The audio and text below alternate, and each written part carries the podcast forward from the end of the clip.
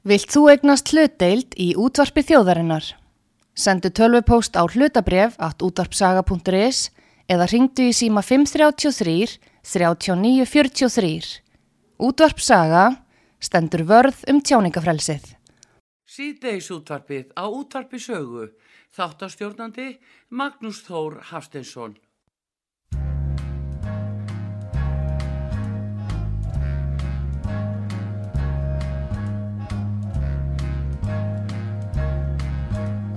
Got you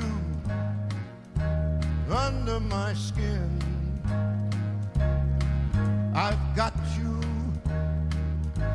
deep in the heart of me.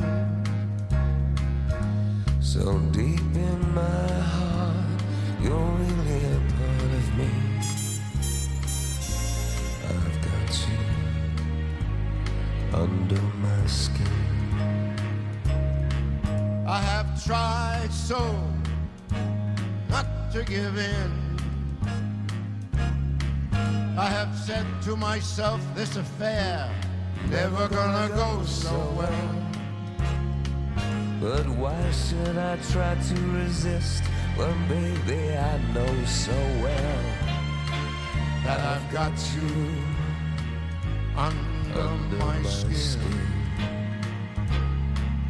I would sacrifice anything, come what might, for the sake of holding you near. In spite of a warning voice, comes in the night, it repeats and shouts in my ear.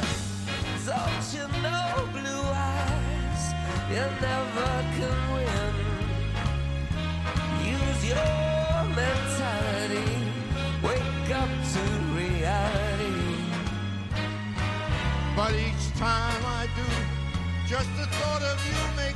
Stop before I begin. Cause I've got you under my skin.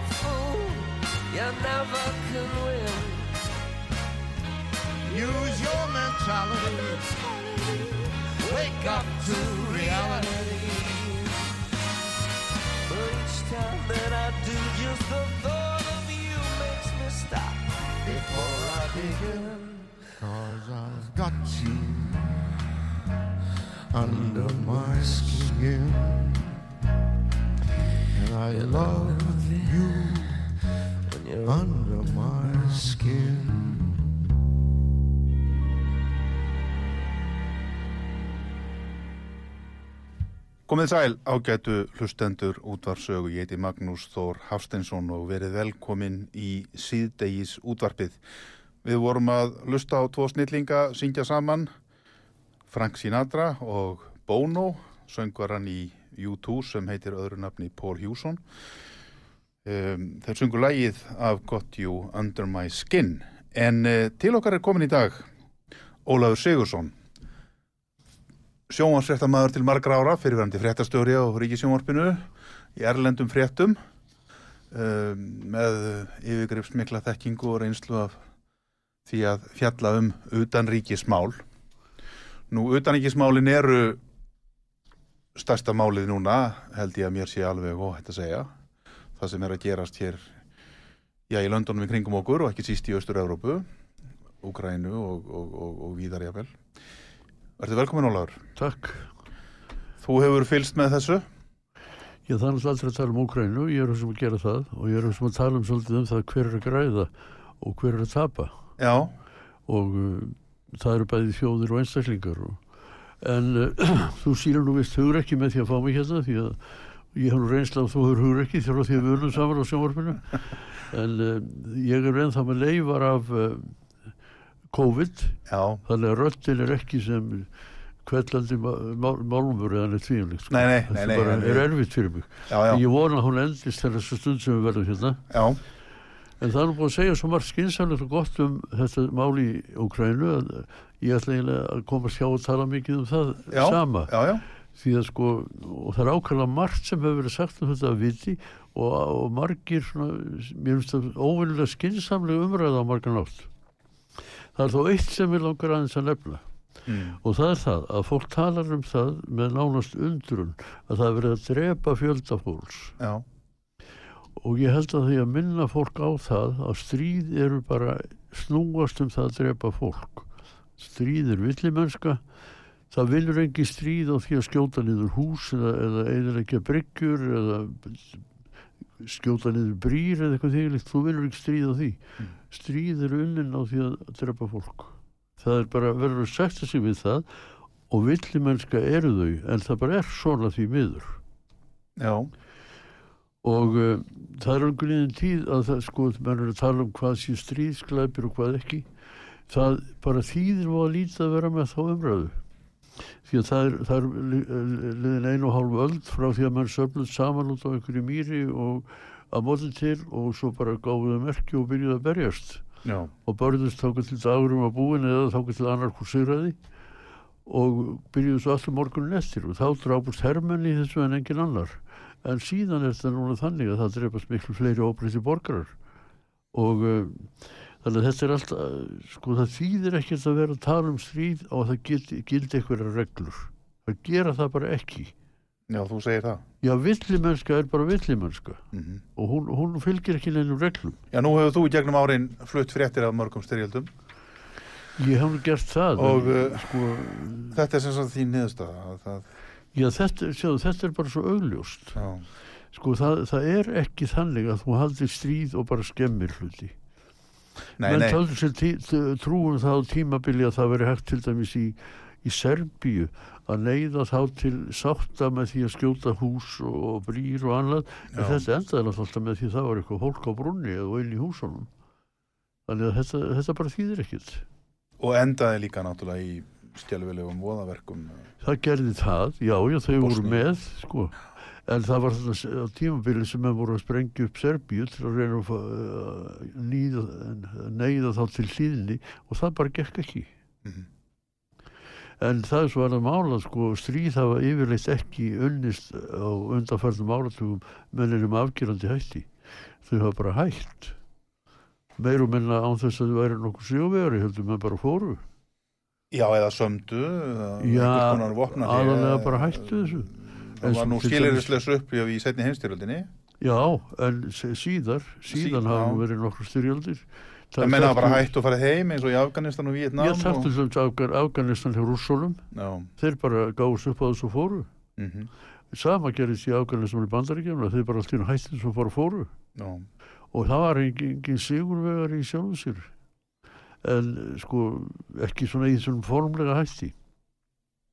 nei En uh, sko þetta er náttúrulega að, að enda stríð eins og mann gerði til dæmis rúsaldir í Afganistan og bandaríkjamennin þar eftir sitja þar ástækisfullir uh, talibanar mhm, sem kúa sinna þjóð. En þeir njóta góðs af alveg feiknarlegum samgöngum afverkjum sem rúsaldir gerðu og alveg feiknarlegum vopna á herbúnaði sem bandaríkjamennin skildu eftir. Uh, þeir eru kannski með þetta best búna herjum í augnablikinu í heiminum rétt í augnablikinu Já, en þetta er sko í stóru stríðunum uh, á Balkanskaga þá mönnum tókst að hætta stríðinu en það lauk allt, þessi er ekkert lokið því það er ennþá þannig hattur að það þarf á svæðum þarf að vera með fríðargæslum en jafnvel bara um aldur og æfi til að með fara ekki að berjast aftur. Já, er það ekki þannig mjög víða? Þannig var það nú í Kóriu líka. Að Í Kóriu, Kóriu stríði stendur en þá tæknilega sér því að þeir eru nú hættir að berjast í augnablikinu Já, já, það var bara saman vopnahlé. það stendur enn Já, já, já, formlega. En það er, það er sem sé, þetta með stríð, að það þýðir ekkert að ætl, ætlast til að þau séu síður. Þau eru það bara geðli sínu. þau eru villi mennska En þetta stríð í Úkrænu, það er svolítið sérstaklega þýleiti, það verðist hafa miklu meiri tök á, á okkur hérna vestræna fólkinu heldur en öllum stríð hafa gert í setjum tíð. Það lýsir sér til dæmis í að það er náttúrulega ótakmarkaður vilji til að taka móti flottamönnum og það er mikill munur á því eða vartlegum með bara Sýrland. Er menningar þjóð og ágæts fólk og allt það en hún er bara fjarlægar í okkur öllu, öllu leiti, bara fjarlæg menning og trúabröð og uh, þannig að það hefur ekki gengið vel að, koma því fólki til hjálpar. Ekkert líkt því sem er um úkrænumennina núna. Næ, og, uh, og það er uh, sko, ég veit ekki hvort þetta er, ég ætla ekki að dóma leggja á þetta það að þetta er svona. Þetta snertir okkur hér á Vesturlöndu miklu meira en, en að þetta er svo nærri. Og þetta er náttúrulega líka fyrsta styrjöldin í Evrópu í raun og veru síðan í Júkoslavíu já, en það er Átökin ekki langt síðan hún var. upp úr 1990 að um, mið, um, mið, miðjan tíunda áratugin já, það, sko, þó þess séu komin 20, rúmlega 20 ár frá því að við styrjöld í Európa, er það eitthvað mikið það er ekki mikið. Mér finnst Ég það nú ekki. ég man mjög vel eftir þessu. Við vorum, Það- við vorum, við vorum saman á sjónvarpinu og vorum að flytja það- fréttir að því. Ég man eftir því. Já, þetta er sko ha, já, það voru skjálfilegir atbyrðir betur væri að það væri- lengra sko. Já, já, en sko en hver græðir á þessu? Og hver tapar? Já, ég ætla að við spyrja ætlum það aðeins því. að fara út í, í eitthvað um það mál. Og það augljósast það er að, að það er náttúrulega augljóst að græða allir vopnaframlegendur NATO var stopnað upp úr heimstyrjaldir síðari til þess að sameina vestranar þjóðir undir fórustu bandrækjumanna til þess að, að verjast rússum þegar það kom í ljós að þeir vildu ekki samstarf við vesturvöldin Mhm. sem þeir höfðu þó verið bandamenn með í stríðinu.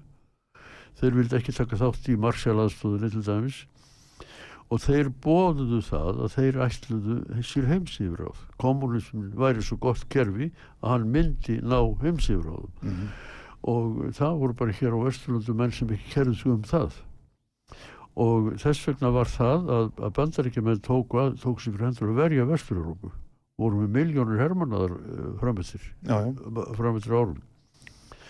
Og uh, þetta sko bandaríkjumenn hafa, hafa talið að vestur-európumenn og evrópumenn ætti að taka meiri þátt í því sjálfur fjárhagslega að verja sig sem þeir hafa gert eitthvað lítilega en núna skyndilega eru allir til í það.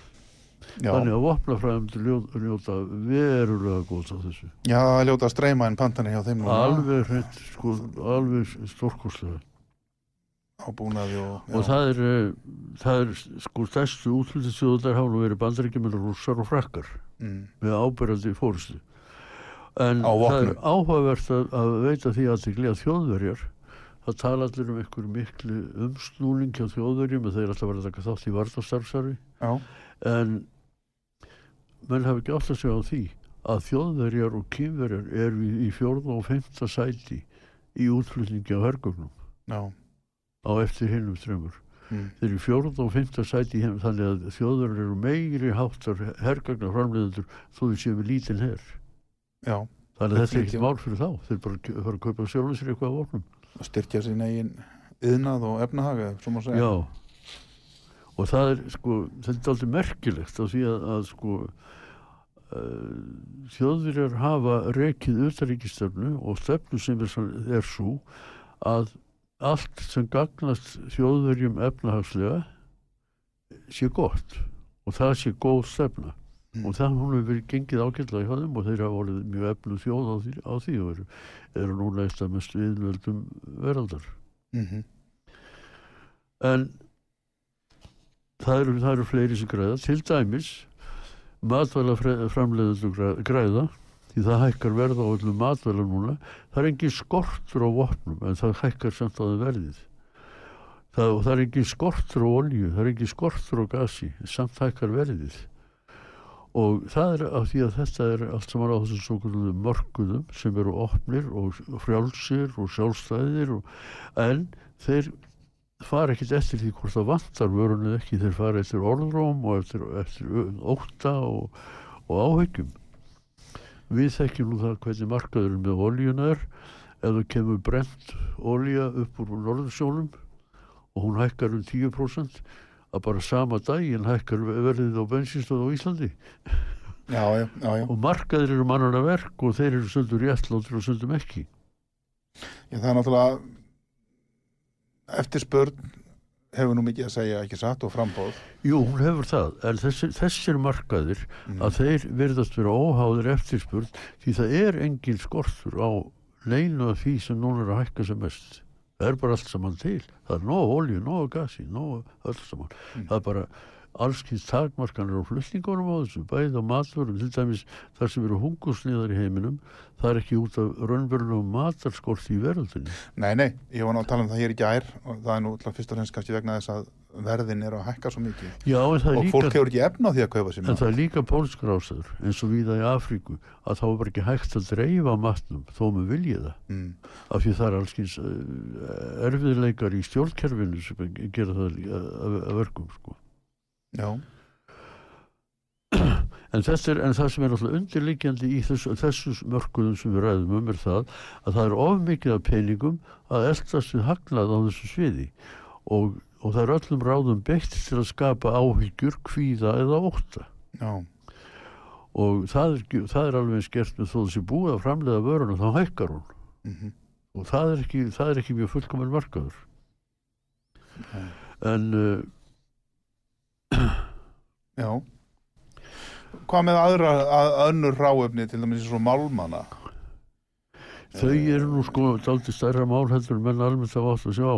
Og það er sérstaklega því þegar þú ferður í og, og, og, orkuskiptin þá skipta þeir gífurlega miklu máli. Já, já, það er í tísku daldi núna að gera lítið úr Úslandi þjóðinni fer fækkandi og það, og það sem einnig að gerast í rík, ríku þjóðunum í Vasturlandum döðatínur há vegna ófrútkonins heilbriðiskerfis kaupmáttur um eldur og alþjóðbankarum ef við mælum með svokullu PPP sem er kaupgeta. Já, að purchasing power parity á einsku að þá var það um 27.000 dólarar á mann á ári eh, 71 mm.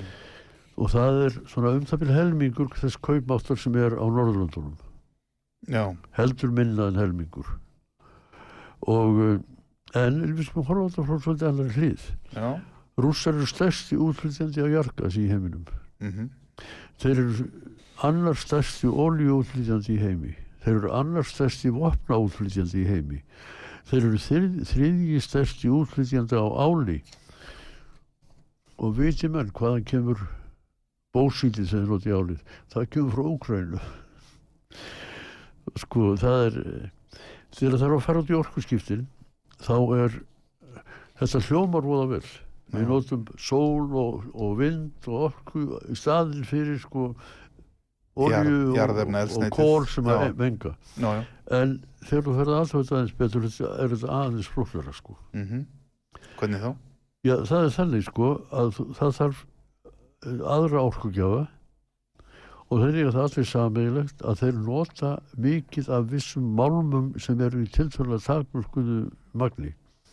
Þetta eru til dæmis kopar, lithium, nikkel, mangan, kóbalt, grafít, króm, mólibdenum, zink, silikon og svo svanumdir rare earth málmar. Það eru málmar sem eru notað í litlu mæli og er lítið til af. Þetta er notað í raflugur eða rafmyndir Alls kyns rafeindastæki. Já, já, og verð á sum af þessum málum hefur tvöfaldast á, undarförðum vikum. Já, það meiri sig ekki svo langt með nikkel það þrefaldaðist á málmarkaðanum í London og svo þeir bara hættu að versla á tímafili það er náttúrulega mikið Sjálfur. nikkel framleitt í, í Rúslandi já þeir eru sko þessir, þessir málmar eiga það eiginlega allir sameigilegt mm að, að Rússland og Kína eru annarkvort mjög stórir aðlar Já, eða þeir jafnvel hafa einokun á þeim. Mhm, og annað sem er að bæði rússar og kýmverðar hafa með skipulum hætti safnað að sér réttindum og svona málmum víðum heim. En uh, vesturlandamenn hafa verið grand, uh, sko, grandalöysir í þessu máli af því þeir trúðu á sko, heims, náttvæðinguna já, þetta myndi berast bara Já, í alþjóða viðskiptum en, en, og ef við tökum sem dæmi já, að til að, ætlar að gera orku skipti á bílarflótanum þar hljómar voða vel að nota Mhm. ramar og er ágætt mál. En af þessum málmum sem þannig er þá þarftu í ramagsbíl 220 kíló svona cirka fer eftir bílnum. Já, en á móti 220 þú þarft 50 kíló nei, 30 kíló fyrir ekki í, í hérna venjulegan bíl.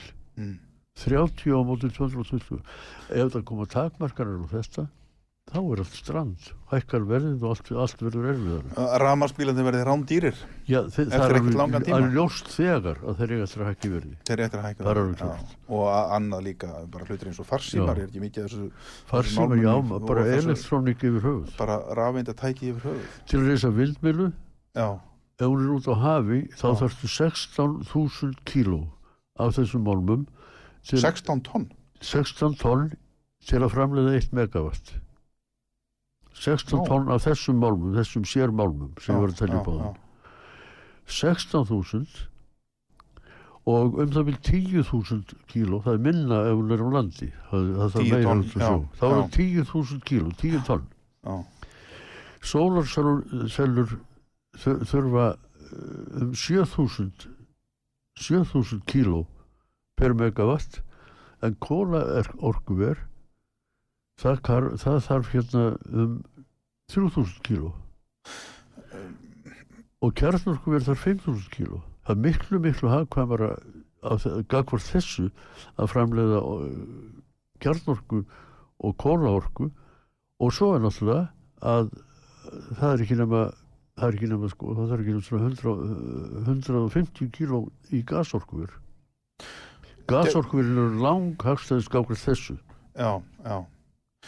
Eh, gæti þá farið svo að 1500 kíló, virkið, 1500 kíló. Þetta viðskipta stríð sem er núna skollið á að það muni leiða til þess að já, þessi orkuskipti til dæmis verði nánast óframkvæmanlega vegna þau verða allavega miklu dýrari en menn hafa viljað vera að láta. Já, sko, Það það, hefur um verið að ganga þann leið að bæði, bæði vindorka og sólarorka hafa verið að verða ódýrari. Já, en svo þróun er að stoppast Já. og hún á eftir að snúast við.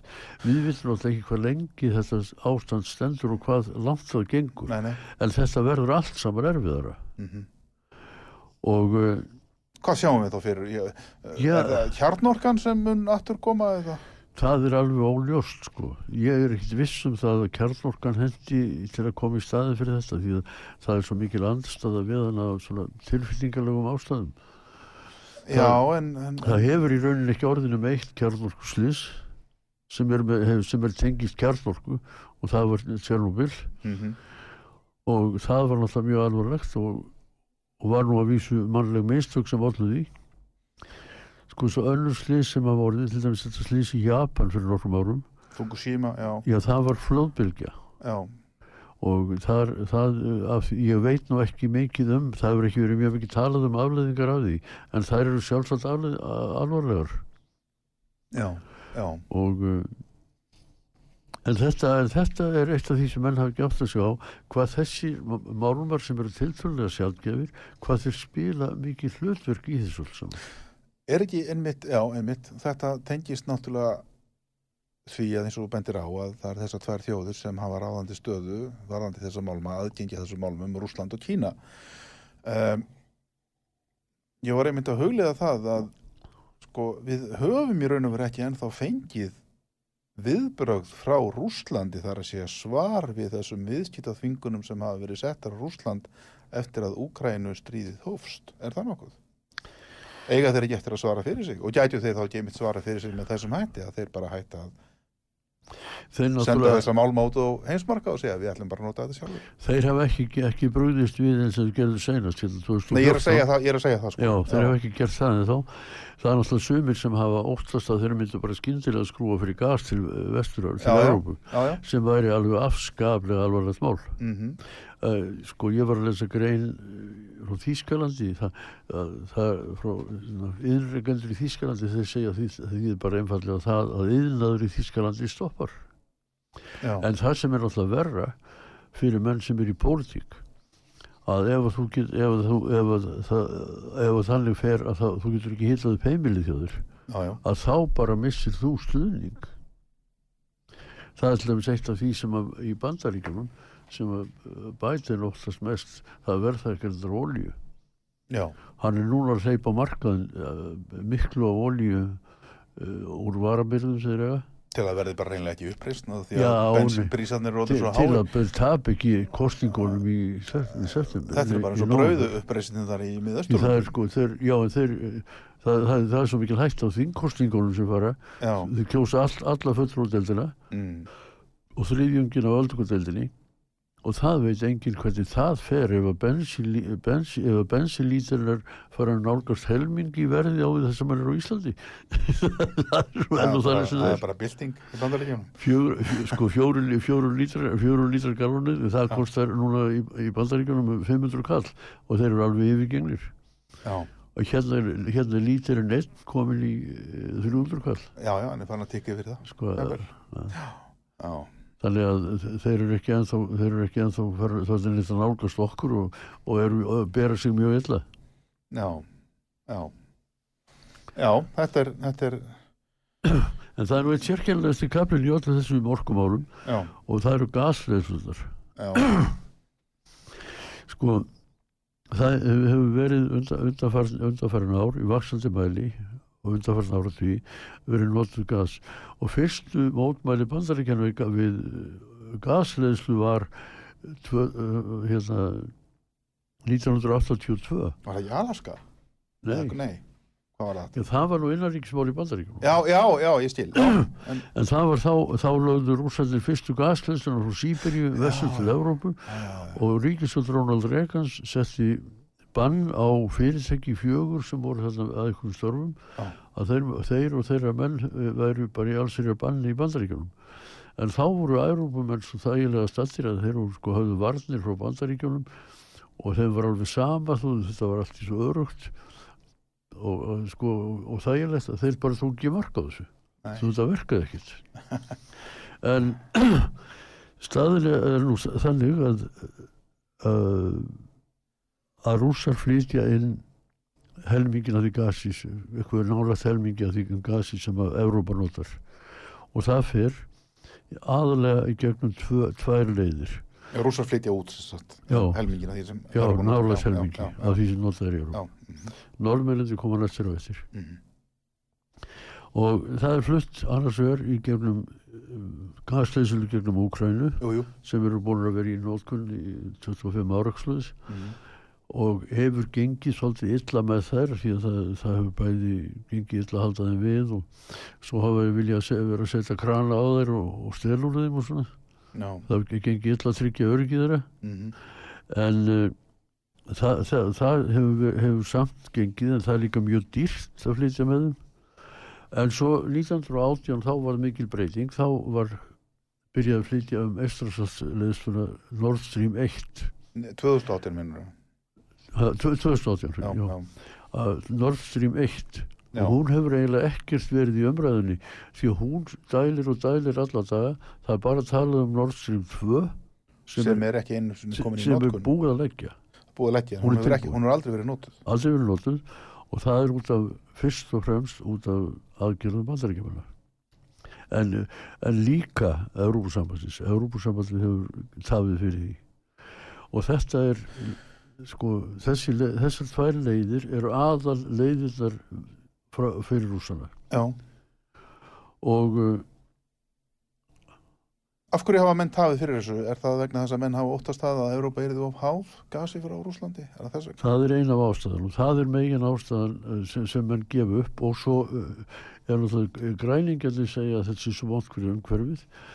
Og uh, uh, sko þannig að, að þetta er svona blandað en þegar maður gá betur að þessu að uh, samningundur í Úkrænu hann, hann rennur út eftir tvö ár 24 og þá voru þeir lausir allra mála með hann. Með þessa gaslýslu? Með þessi gasleyslu já, uh, Úkrænumennir hafa fengið 1,2 miljardar dollara á ári fyrir, í leigu fyrir landið undir leðslutar Mhm. sem er ansið mikið af já, og er meira en tíðkast annars staðar. Það er svona, sko, gasleysla Nord Stream 1 að þeir taka, þegar, þegar uh, úkrænumennin taka 2 2,70 fyrir tiltekið magn, já, að þá taka þeir uh, 1,60. já, já, Það mörgur hans miklu. já, Og Nord Stream 2 náttúrulega var, er gerð til þess að los, losna við úkrænumennina, það er ekki þetta mál. Úkrænumennunum er þetta mikið áhuga, mál og þeir hafa áður en stríðið kom sko, þá voru þeir búin meðal þess að bjóða að lækka verðið um helming eða veri haldið áfram að nota reysundar og það er bara pólitískum ástæðin sem vilja hafa það. Ekki bara peningalög en það náttúrulega munar um 1,5 miljón dollara. Vissulega, en pólitíkusum Og- ástæðum þá að þeir vilja halda einhverju vægi þá eða hvað? Já, en þessar sko þe- þessar hérna leiðslur eru orðnar illa stattar og orðnar lélegar. Já, og það þarf að endur nýja þær og, og, og gera við þær mikið. Nord Stream 2 er tilbúin sé og, og bara hægt, bara hægt skrúa frá henni. Mhm, og hún er sko, hún er að formi til í eigu Gazprom en hún er greitt af fimm, á móti Gazprom af fimm oljufélögum í Östuríki, Þískalandi, Fraklandi og Hollandi og Breitlandi. það eru, það eru þessi sem ætla að kaupa þá gasið sem þarf hana eitthvað, já, já. En Nú, tími, tími líður hratt, hefum ekki bara að fara í auglýsingar? Góði hlustur, Magnús Þór heit. Styrtareikningur útvarpsögu í Íslandsbanka á Granda. Útubú 513, höfubók 26, reikningur 2.11.11. Nánari upplýsingar á útvarpsaga.is. Takk fyrir stöðningin. Ég, við tökum auglýsingar núna og komum aftur til þess bástund. Síðdeis útvarpið á útvarpi sögu. Þáttastjórnandi Magnús Þór Hafsteinsson.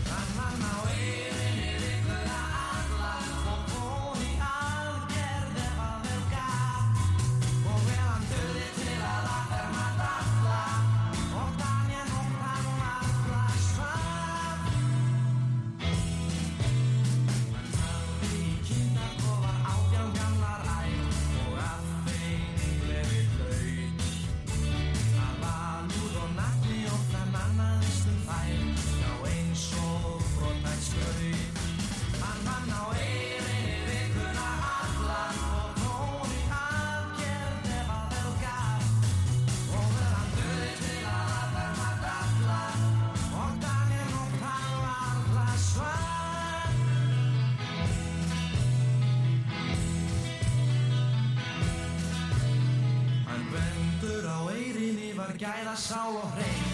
Gauki hafði sín Liggur nú örþreyttur og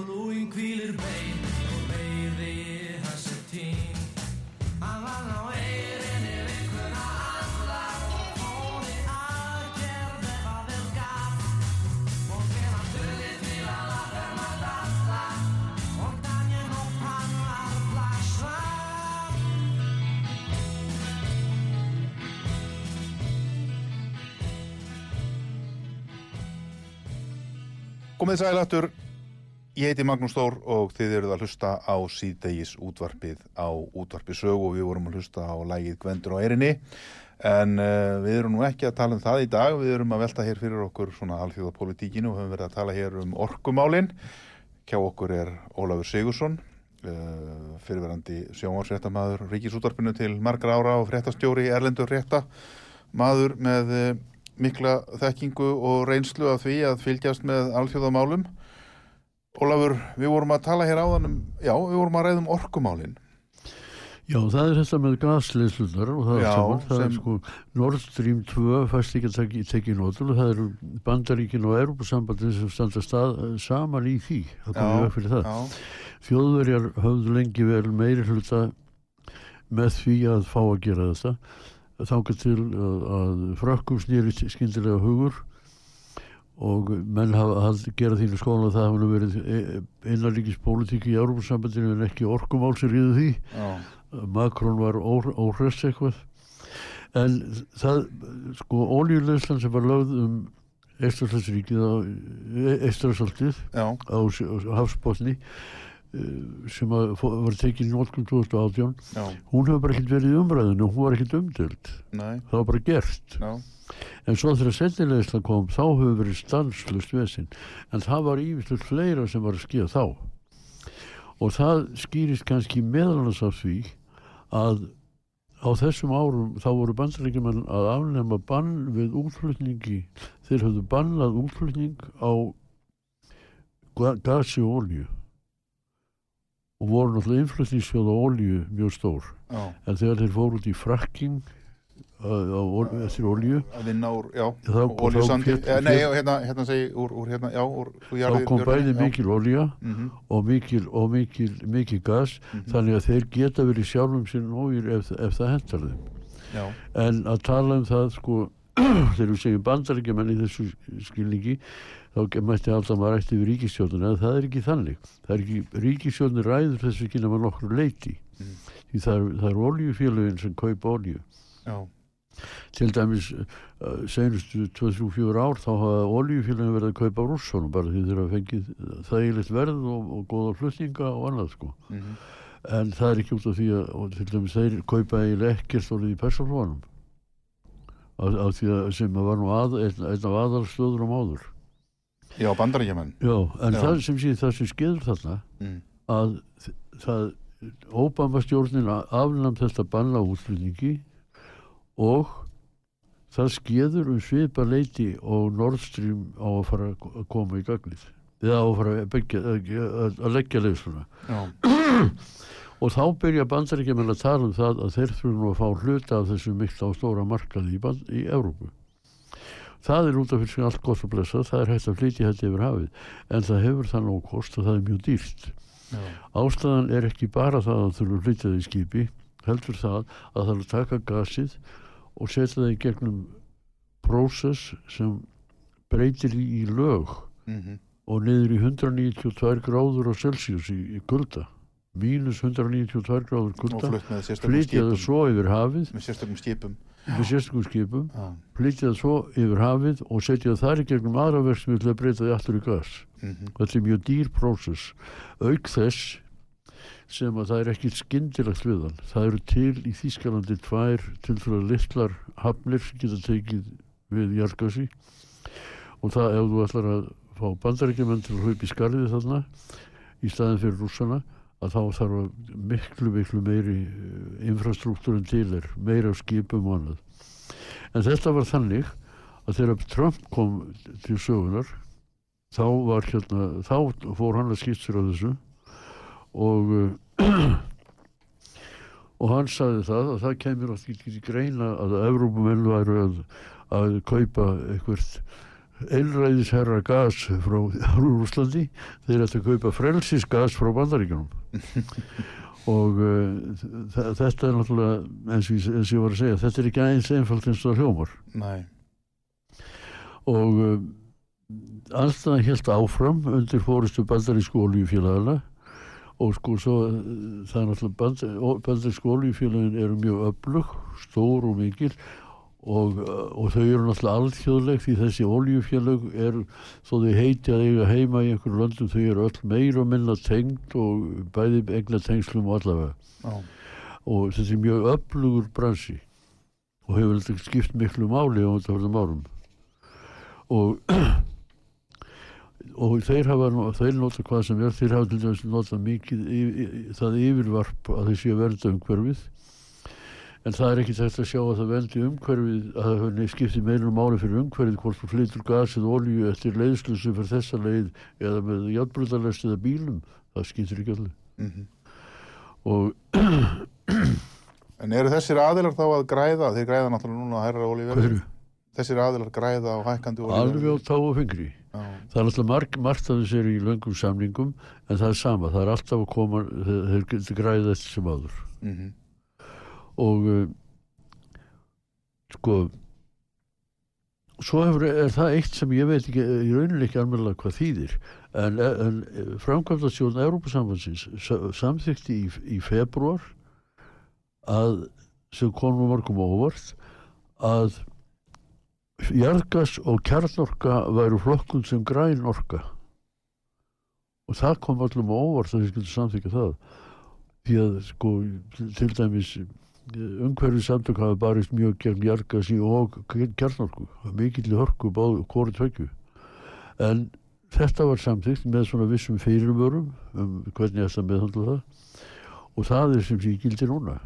Er það ekki bara vegna þess að það þeir sjá fram á orkuskort og, og sjá jafnvel fram á það að er- þessi orkuskipti muni ekki ganga jafnbreytt fyrir sig eins og, eins og rættu við verðum? trúlega er það það sko því það,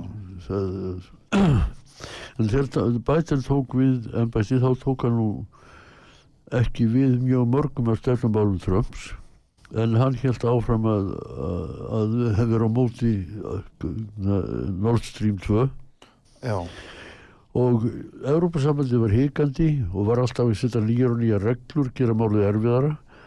Og, og það var svo og ní- 200 og ní- 2019 þá töldu bandaríkjumenn að, að þeir að hérna að ráða því að hvernig gasleysum til Európa verið haft og settu lög um það að það bara, það voru bara viðskipta bann af öms ímsu tægi og ferða bann á menn sem störfuðu að því að, og fyrir menn og fyrirtæki að leggja gasleyslu frá Rúslandi hvort sem væri til Európa eða til Tyrklands. Mhm, og þetta er náttúrulega sko á sér enga stóð í neinum alþjóðlegu reglum eða neinu, þetta er bara einhliða aðgerð sem hefur ekki haft, ekki haft svona endanlega áhrif en hún hefur haft verulega áhrif af því bandaríkjum eru svo áhrif að millir hvað sem þau gera.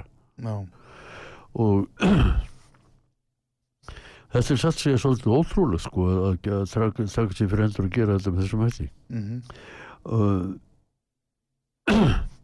og í öllum tilvíkjum þá voru reyslur, reyslur til fyrir hendi sko þetta er bara Já. viðbætur þeir að já. mótmæla þessu svona harkalega.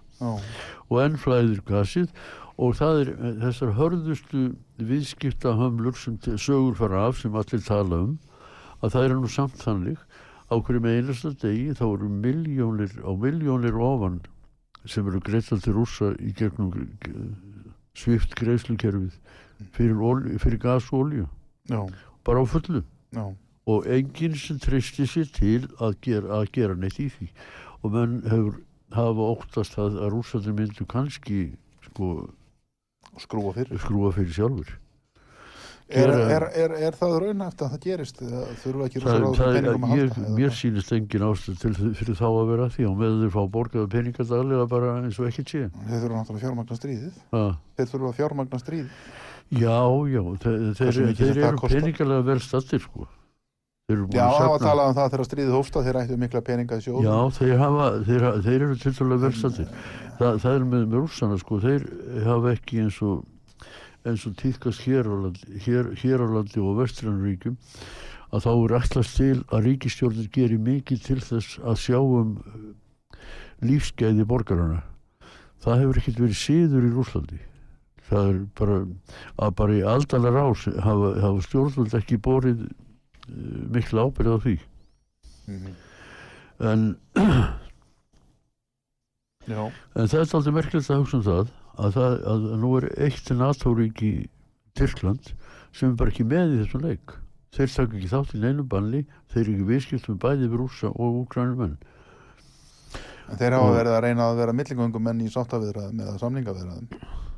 Þeir hafa já, og, og, og, og vonandi að eitthvað af því takist, en þeir, sko, Putin og uh, Erdogan hafa haft mjög náðu samband sem er það náið að menn telja að það hafi ykkur áhrif á þeirra samskipti, á, á, á samskipti þjóðana. Venjulega hefur það ekki að segja hvernig leiðtóum líkar hvernig annar persónulega. Nei. En En þeir hafa Tyrkland, miklu mikill hagsmunni já, það eru hagsmunir þannig á milli. Hvaða hagsmunir eru Þeir það? kaupa mikið gas á rúsum Tyrkland kaupir mikið um, gas á rússum. um þessar, jarð, þessar, þessar leiðslur Já, og eru miðstöð fyrir dreifingu til Evrópu og þar hafa sko til dæmis Evrópusambandið bannaði til dæmis búlgurum að setja upp leiðslu til yfir til Vestur-Evrópu mm. það, það er svo skrítið hvað er að skeið þessu, maður skilur þetta ekki alveg sko þessar, þessir miklu leiðtóar nattvæðingarinnar sem eru bandaríkjumenn og Vestur-Evrópa það er engir aðrir sem gerir eins mikið til að hefta viðskipti. Þetta er aldrei sérkennalegt Mm. og nota það sko og svo, svo talar bætir um það á NATO-fundi að það með ekki nota olíu og gas sem vopn í pólitískum tilgangi. Það er vesturveldin er alltaf að gera það alltaf daga. Já, en sko, svo er annað sko, Tyrkisinn alltaf eru þannig standi líka þeir að rússarnir eru að reysa fyrir þá risastórt kjarnorkuver austarlegi Tyrklandi og þeir vilja geta klára það. Mm öðruleg, og við erum búin að tala um oljuna, oljú, þeir köpa oljú og gas svo er eitt annið viðbútt að Tyrkirnir ráða jú. og það er eina leiðin sem rússaldir hafa út úr svartahafi. Mm og það er bara gegnum sundið samkvæmt uh, alþjóðalögum skilst mér að þá mættu þeir loka sundinu. Sérstaklega væri mættu, það getur gert það gagvart herskipum. En ég á erfitt með að sjá að þeir myndu treysta sér í þau átök. En það hafa þeir ekki gert það. Nei.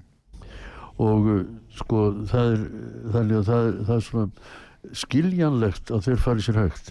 En svo er eitt svona skringilegt sko að, að sem er svona ótengt þessu öllu saman eitt af effektífustu vopnunum sem að úkrænumennir hafa er lítill dróni sem ber sprengju sem passar akkurat til að granda einum skriðdraga Já. og hefur gefist alveg sérstaklega vel við að granda skriðdragum rússana Mm. og tilvílunin stóra er svo að maðurinn sem að rekur fyrirtæki sem framleiðir þetta er tengt að svona erðugars Og hann tengd á svona Erdogans. Já, já, já. Ég, hef- hef lesið þessa dróna. Já, nú, nú einmitt. gerast málinn sko dálítið persónuleg Já, já.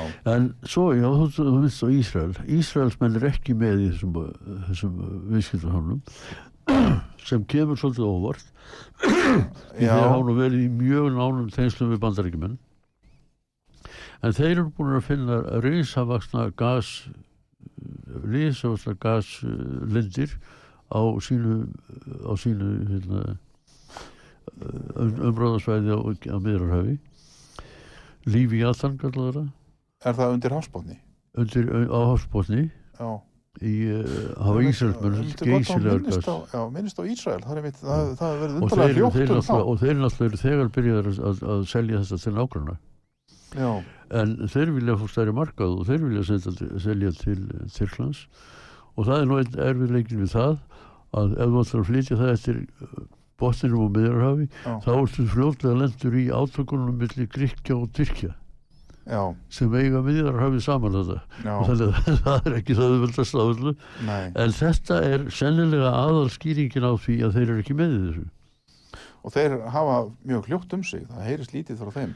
Já, þeir hafa samt verið að hafa lenski, af þessu að reyna þeir hafa reynt. Ha? Það er törfust að gýðingum í Úkrænu. Já, já, það er helmikið af þeim Og hefur eflust margir, sko, gýðingar sem er ættir að Já, reykja til já, Úkrænu já, búa það er, það er mjög sko það er allstaðar mikið af ókrænumálum því ókrænumálum hafa flutt alveg feitt alveg mikið úr landi. Það eru Já, mjög stórir hópar ókrænumála til dæmis í bandaríkjunum, Ísland, stóri. í, á Kanada. Já, einmitt. að Já, þar eru sko ókrænumenn uh, fleiri en Til dæmis í Gimli og þar í kring. Já, og þetta er aldrei sérstætt að sjá það þegar maður kemur og sér þarna byggðasafni sem Íslandíkar þar reist sér. Þetta er það Icelandic Museum. Já, og þegar þeir voru búin að reisa það að þá komist, þeir það að ókrænumennir þeir áttu einhverjar miljar og svo þeir ákvaðu bara að bjóða þeim að vera með og settu með litlu snöðum fyrir neðan og Úkrænusöfn Já, já. er Eru þetta hópar sem hafa pólitísk ítök áhrif? Þessir- allir stórir, þessir- allir stórir hópar Innflytjendahópar. hafa það Já, og til dæmis í löndum eins og Bandaríkjunum og, og Kanada og, og, hérna, og Brasilíu sem eru innflytjanda lönd já, að það er, innflytjanda hópar hafa alltaf einhver áhrif þeir sem, og því meiri sem þeir eru fjölmennari ég til dæmis eins og í bandaríkjónum uh, eru þeir ekki til dæmis fjölmennir í þessu svo kallaða riðbelti í bandaríkjónum? í, Það sem Trump í riðbeltinu? Já, sko það, það er erfitt átt að sjá því.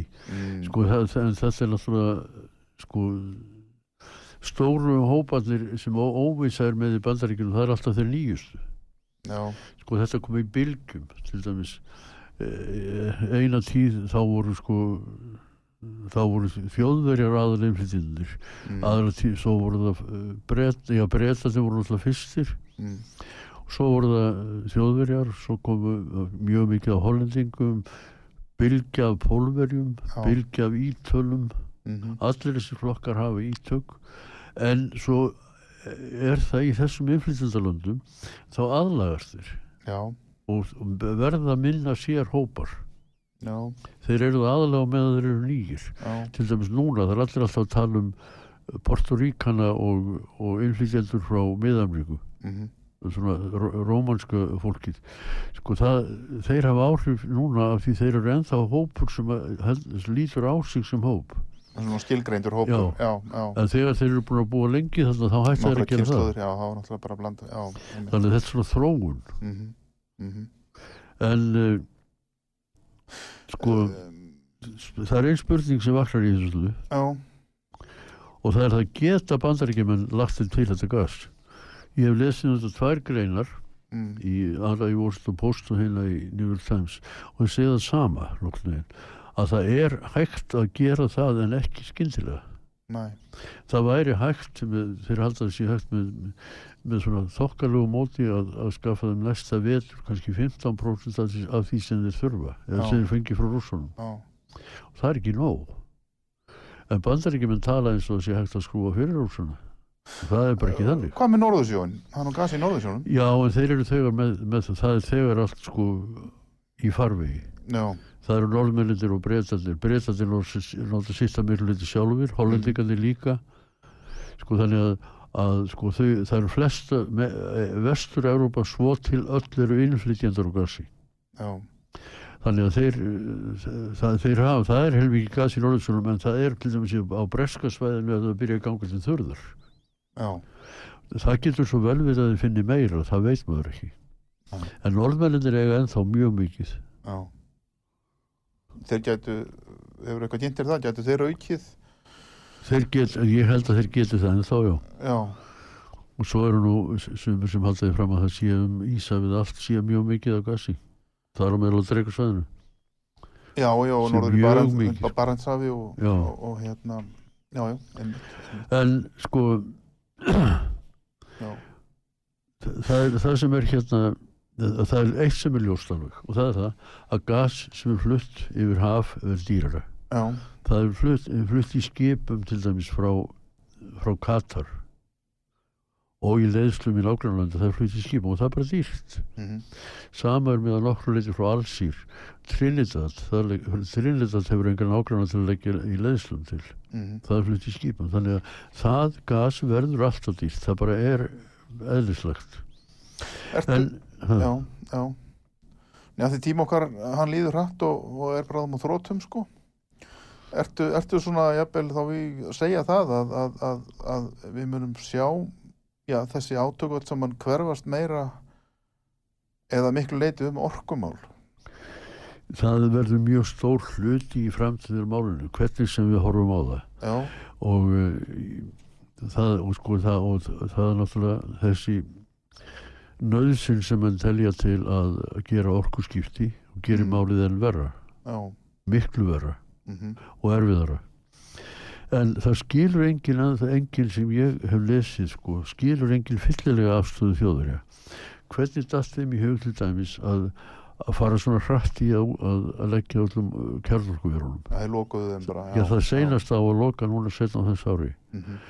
Hvernig stendur á því að, að þeir, sko, til dæmis í fyrra vetur, þá, þá kom, komu þurkar og, og, og, og komu logn á tímabili og kom engin orka frá vindorkuverunum. Mhm. Þá bara ky- kynntu þeir ol- kólaverin meira. Já. Þeir hafa ekkert annað upp á að hlaupa Já. og það sér enginn að þeir séu búin að undirbúa hvernig þeir ætla að gera þetta. Næ. En það sem mér nú finnst sko, þegar við erum nú að nálgast lokin hérna, að þáttið erfitt að hugsa til þess hvað staða Úkrænu er erfið. Sko það, það tala allir um Úkrænu, allir flottamennir tala um þetta undraland sem er heimaland þeirra. En staðan er alveg afleitt þeir eru að tekur þessa sko, kaupgóftar mælingu alþjóðabankans það eru fimm ríki í Evrópu sem skera sig algjörlega úr fyrir, fyrir bara fátækt Já. og það, það, það eru sko Kosovo, Moldova Bosnia, Albania og Ukraina Já. frá því að þessi lönd fengur sjálfstæði Eistarsalsríkin hafa farið fram úr Rúslandi í, sem þeir voru sko eftir að þeir skildu við já. þrátt fyrir margvíslega erfileikar sem þeir hafa átt við að stríða Úkræni hefur dreigist aftur úr um helming Pólland hefur orðið gríðaleg breyting Pól. Pólland hefur, já, Pólland var náttúrulega strax í byrjun ég er nú að tala um bara þess Eistarsalsríki sem voru hluti af já. og þau hafa farið me meir en sko, þeir komur fram úr Sovjetríkjunum í vel, Já. velsföru já. Í Rússlandi, já. Rúslandi Já, já. þannig að þetta er en, en, en Úkraina dreigist aftur úr. Mhm, og það er bara því að þeir hafa haft alveg afleitt stjórnkerfi. Mhm. Mikil Og- spilling og... mikil spilling. Svo er náttúrulega annað sem við höfum náttúrulega ekkert farið út í hér sko. Mhm, og uh, sko það og maður hefur alltaf samúð með Úkrænum og Selenski hefur reynst mjög öflugur talsmaður fyrir sína þjóð. En peningamennir ráða en þá Já. Það eru peningamennir sem ráða þeir ráða miklu meira en í Rúslandi Hvernig, það er kannski ómögulegt að segja um það en, en, en mér langar samt til að heyra þig segja okkur aðeins frá því hvernig líst þér á þetta, þetta stríð? Þú er nú flutt fréttir af mörgum stríðum. mér líst alltaf mér líst voðalega illa á þetta af því að það er, það er alveg rosalega hægt á ferðum þegar þú ert að fást við ríki sem eiga kjarnorkuvopn. Og það er annað að Rúss, Vesturlendin hafa öll frá því að Sovjetríki fjallu tala niður til rússa. Mhm, og ég held ekki að það er að tala niður til manna sem eiga kannski 1000 til 2000 kjarnorkuvopn sem, eru- sem eru sko starfhæf, brúkleg og það eiga bara rússaldir og þú verður bara að gjöra svona umgangast menn sem eiga svona sem stórveldi, það þýðir eitt annað. Alveg saman hversu litlir þeir eru. alveg sama, það skiptir ekki máli. Þeir hafa svo mikið í höndunum. Já. þeir eiga kjarnorkukabóta sem segla hér um höfun uh, kringum uh, bara öll Vesturlöndin. Alveg eins og bandarækjum er lega þannig að þetta er bara hættulegt. Já, Sko, ég, eh, veit ekki, ég ætla ekki að fara út í það að skildrina geðhilsu bútin sem allir eru að Nei, gera. nei, ég ætla heldur ekki að spyrja Mér út í finnst það það. bara en- fá- fáránlegt. en Sérðu í stuttum mál einhverja lausn? Nei, ekki fljóðlega. Heldur þetta verið langt stríð? Sko, það er svo erfitt að hætta því. Já, það er nú oft þannig að þeir sem hefja stríð það, eiga mjög erfitt með að binda enda þau.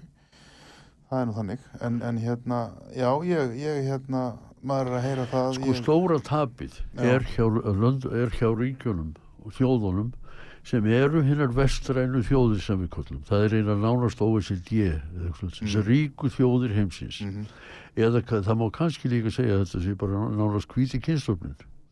Mhm. Japanir eru í OECD og fleiri.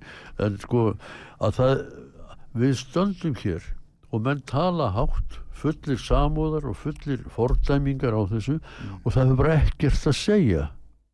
Nei, Það er bara þannig að þú nógu frekur ósífin þá ræður þú við þessar öflugu þjóðir já, Sko það, þessar þjóðir eru á vegferð sem er þannig að við höfum það svo gott að við meðum ekki vera því lengur að sopa gólf. Við fáum útlendinga í það. já, Við meðum ekki vera því að eiga börn og flytjum inn, inn uh, starfsfólk í það. Uh, Sko, þannig að velferðin sem er alveg feikileg að hún, það er, það er, ég er óttast að hún sé kannski komið bakið á okkur. já, það má vera. Tíma okkar er á þróttum Ólaður Sigursson fyrirverandi fréttamaður á Ríkisjónvarpinu fréttastjóri, erlendum fréttum. Það var gaman og fróðlegt að fá því í heimsókn. Það er, eftir, það er eftir að tala um mikið af allskins svindli og svínari sem Já. er í þessu sambandi. Við verðum bara Sem margir græða verðum bara, þú verður bara að koma aftur. Góður hlustur, ég heiti Magnús Þór. Takk fyrir að hafa hlustað á okkur hérna síðasta klukkutíman Davíð Jónsson, tæknumæður, takk fyrir. Verðið sæl